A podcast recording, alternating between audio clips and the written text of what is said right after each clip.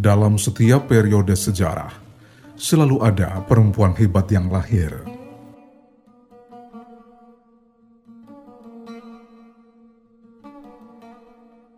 Pada abad ke-9 Masehi, muncul nama Fatimah Al-Fihri.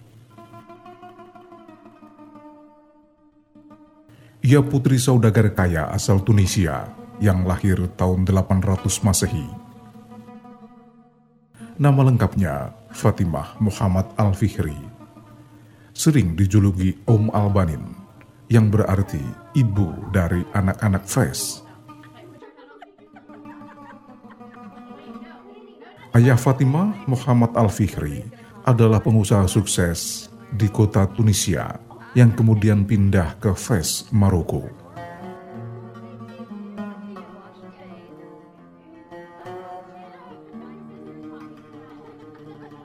Fatimah Al-Fihri hidup dalam keluarga yang sangat kaya. Apalagi keluarganya merupakan keturunan bangsawan.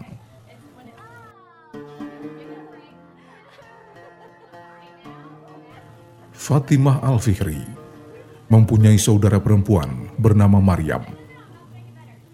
Kakak beradik itu mendapat pendidikan yang sangat komplit dan tumbuh dalam lingkungan para pecinta ilmu agama serta sains, khususnya arsitektur dan bangunan. Di masa pemerintahan Raja Idris II, tepatnya pada awal abad ke-9, Fatimah Al-Fihri bersama keluarganya hijrah dari Khairawan Tunisia ke kota Fes di Maroko. Fes saat itu terkenal sebagai kota metropolitan dengan penduduk muslim non-Arab. Kota yang sangat maju dan aktivitas ekonominya berkembang sangat luar biasa.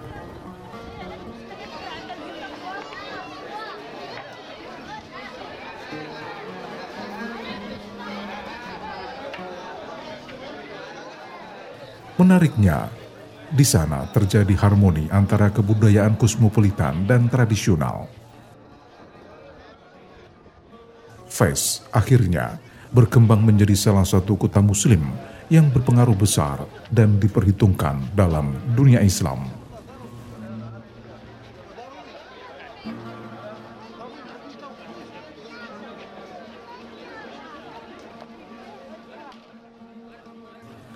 Di kota Fez, keluarga Fatimah Al-Fihri mengembangkan bisnis.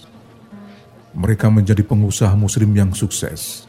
Harta kekayaannya melimpah. Namun dalam waktu yang tidak terlalu lama, ayah Fatimah Al-Fihri meninggal dunia.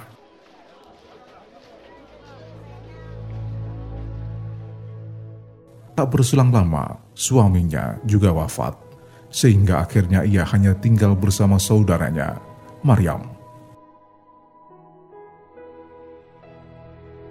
Selepas masa berkabung, dua perempuan muda itu sepakat menggunakan semua warisan orang tuanya untuk membangun masjid dan universitas. Keduanya ingin agar harta warisan orang tuanya bermanfaat dan pahalanya terus mengalir.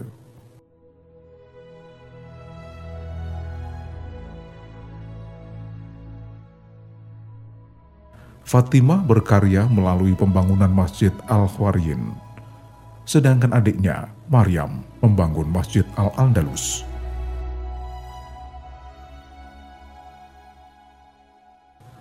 Fatimah Al-Fihri menyadari sepenuhnya arti kota Fes, Maroko. Letaknya yang sangat strategis memungkinkan para sarjana dan cendekiawan muslim mendatangi masjid itu Apalagi Fes merupakan kota berpengaruh sepanjang abad dan berposisi sebagai pusat agama serta budaya.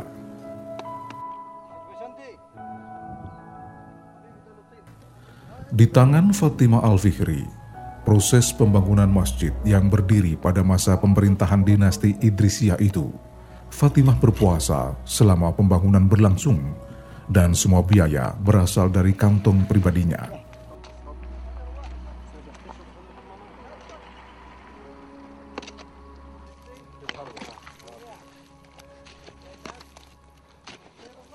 Fatimah Al-Fikri terus mengawasi langsung proses pembangunan masjid sejak awal, mulai dari pemilihan lokasi hingga soal arsitekturnya. Bahkan ia tak ingin mengambil material apa pun dari orang lain. Pasir dan air sebagai material pokok diperoleh di lokasi sekitar masjid.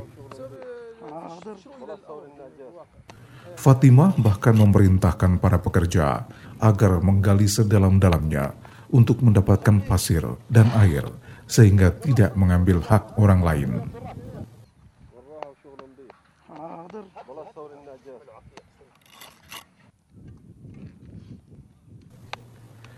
Pembangunan Masjid Al-Wariyin selesai pada awal Ramadan tahun 245 Hijriah atau bertepatan dengan tanggal 30 Juni 859 Masehi.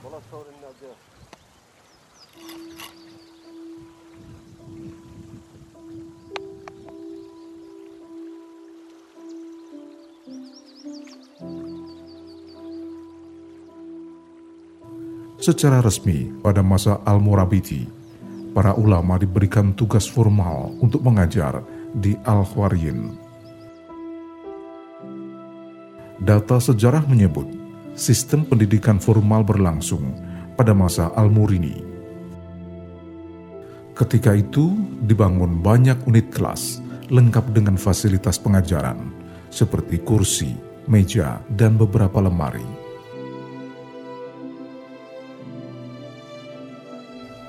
Sejak saat itu, Masjid Al-Hwariyin yang terkenal juga dengan julukan Masjid Jami Al-Surafa mengundang ketertarikan para sarjana dan para cendekiawan muslim karena kajian ilmu agama sering berlangsung di sana.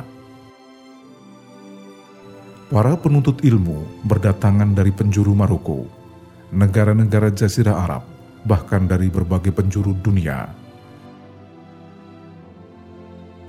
Dalam waktu singkat, Fes akhirnya mampu bersanding bahkan sejajar dengan pusat ilmu pada masa itu, yakni Cordova dan Baghdad.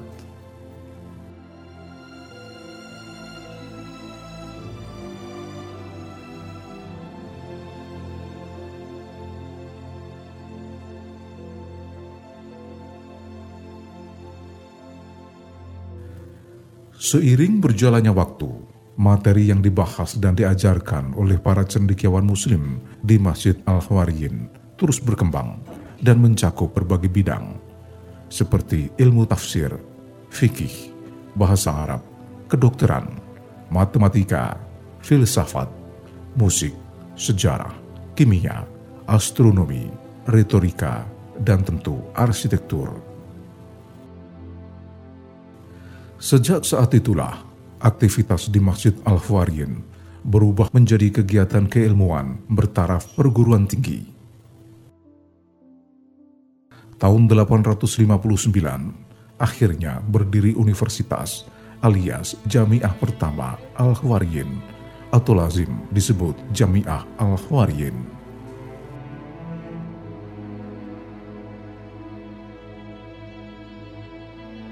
Pada saat yang sama, masjid yang dibangun Maryam, yakni Masjid Al-Andalus di Spanyol, bertransformasi menjadi universitas yang kelak menjadi kiblat dunia pendidikan modern. Mulai dari kurikulum, sistem pengajaran, sampai ke urusan simbol akademik. Hingga kini, pakaian mahasiswa atau toga ala Fatimah dan Maryam Al-Fikri masih dipakai oleh kampus-kampus di berbagai penjuru dunia Toga yang berbentuk segi empat ternyata merupakan simbol yang diinspirasi dari bentuk Ka'bah sebagai kiblat umat Islam.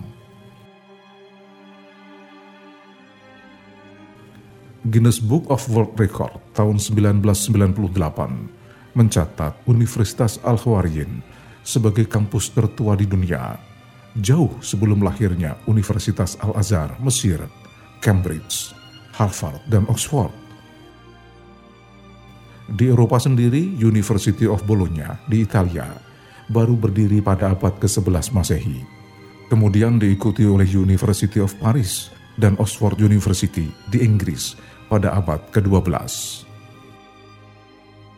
Sejarah mencatat, jumlah mahasiswa Universitas Al-Khawariyin pada abad ke-14 Masehi sudah lebih dari 8.000 orang. Itu yang menyebabkan Fes akhirnya berubah menjadi kota yang dipenuhi oleh aktivitas keilmuan. Saat itu Universitas Al-Khawariyin dianggap sebagai pusat intelektual utama di Mediterania. Reputasinya sangat baik, bahkan menyebabkan tokoh Gerber dari Auvergne ikut menjadi mahasiswa Universitas Masjid Al-Khawariyin.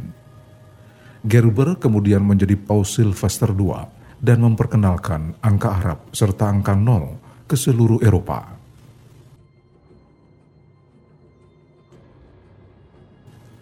Universitas Al-Khawariyin terus berkembang sebagai kampus inklusif yang menjadi sinar pencerah dunia tanpa diskriminasi. Tak hanya terbuka bagi kalangan muslim, tapi juga penuntut ilmu dari berbagai agama. Bahkan banyak mahasiswa beragama Yahudi dan Kristen ikut mengenyam bangku pendidikan di sana.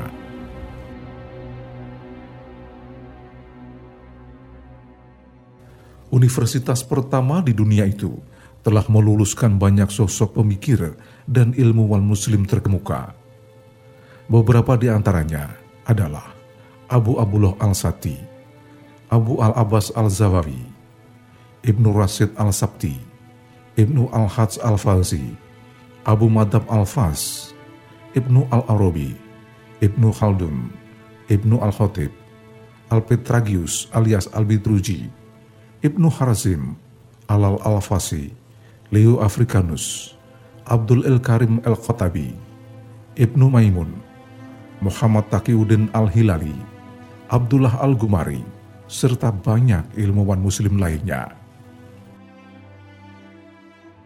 Universitas Al-Huwarin secara tak langsung memicu proses renaissance di peradaban barat pada abad ke-15 Masehi melalui kebudayaan dan ilmu pengetahuan yang ditransfer para ilmuwan muslim yang belajar atau mengajar di universitas yang sama. Majalah Times edisi 24 Oktober tahun 1960 menyebut obor Renaissance berasal dari Fes, Maroko.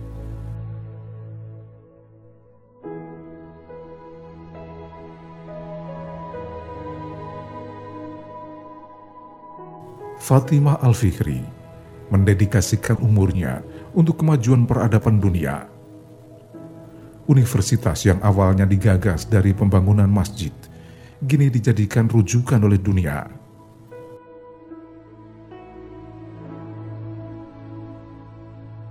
Fatimah Al-Fikri wafat tahun 880 Masehi dan meninggalkan karya monumental bahkan menjadi karya sejarah besar dalam peradaban dunia.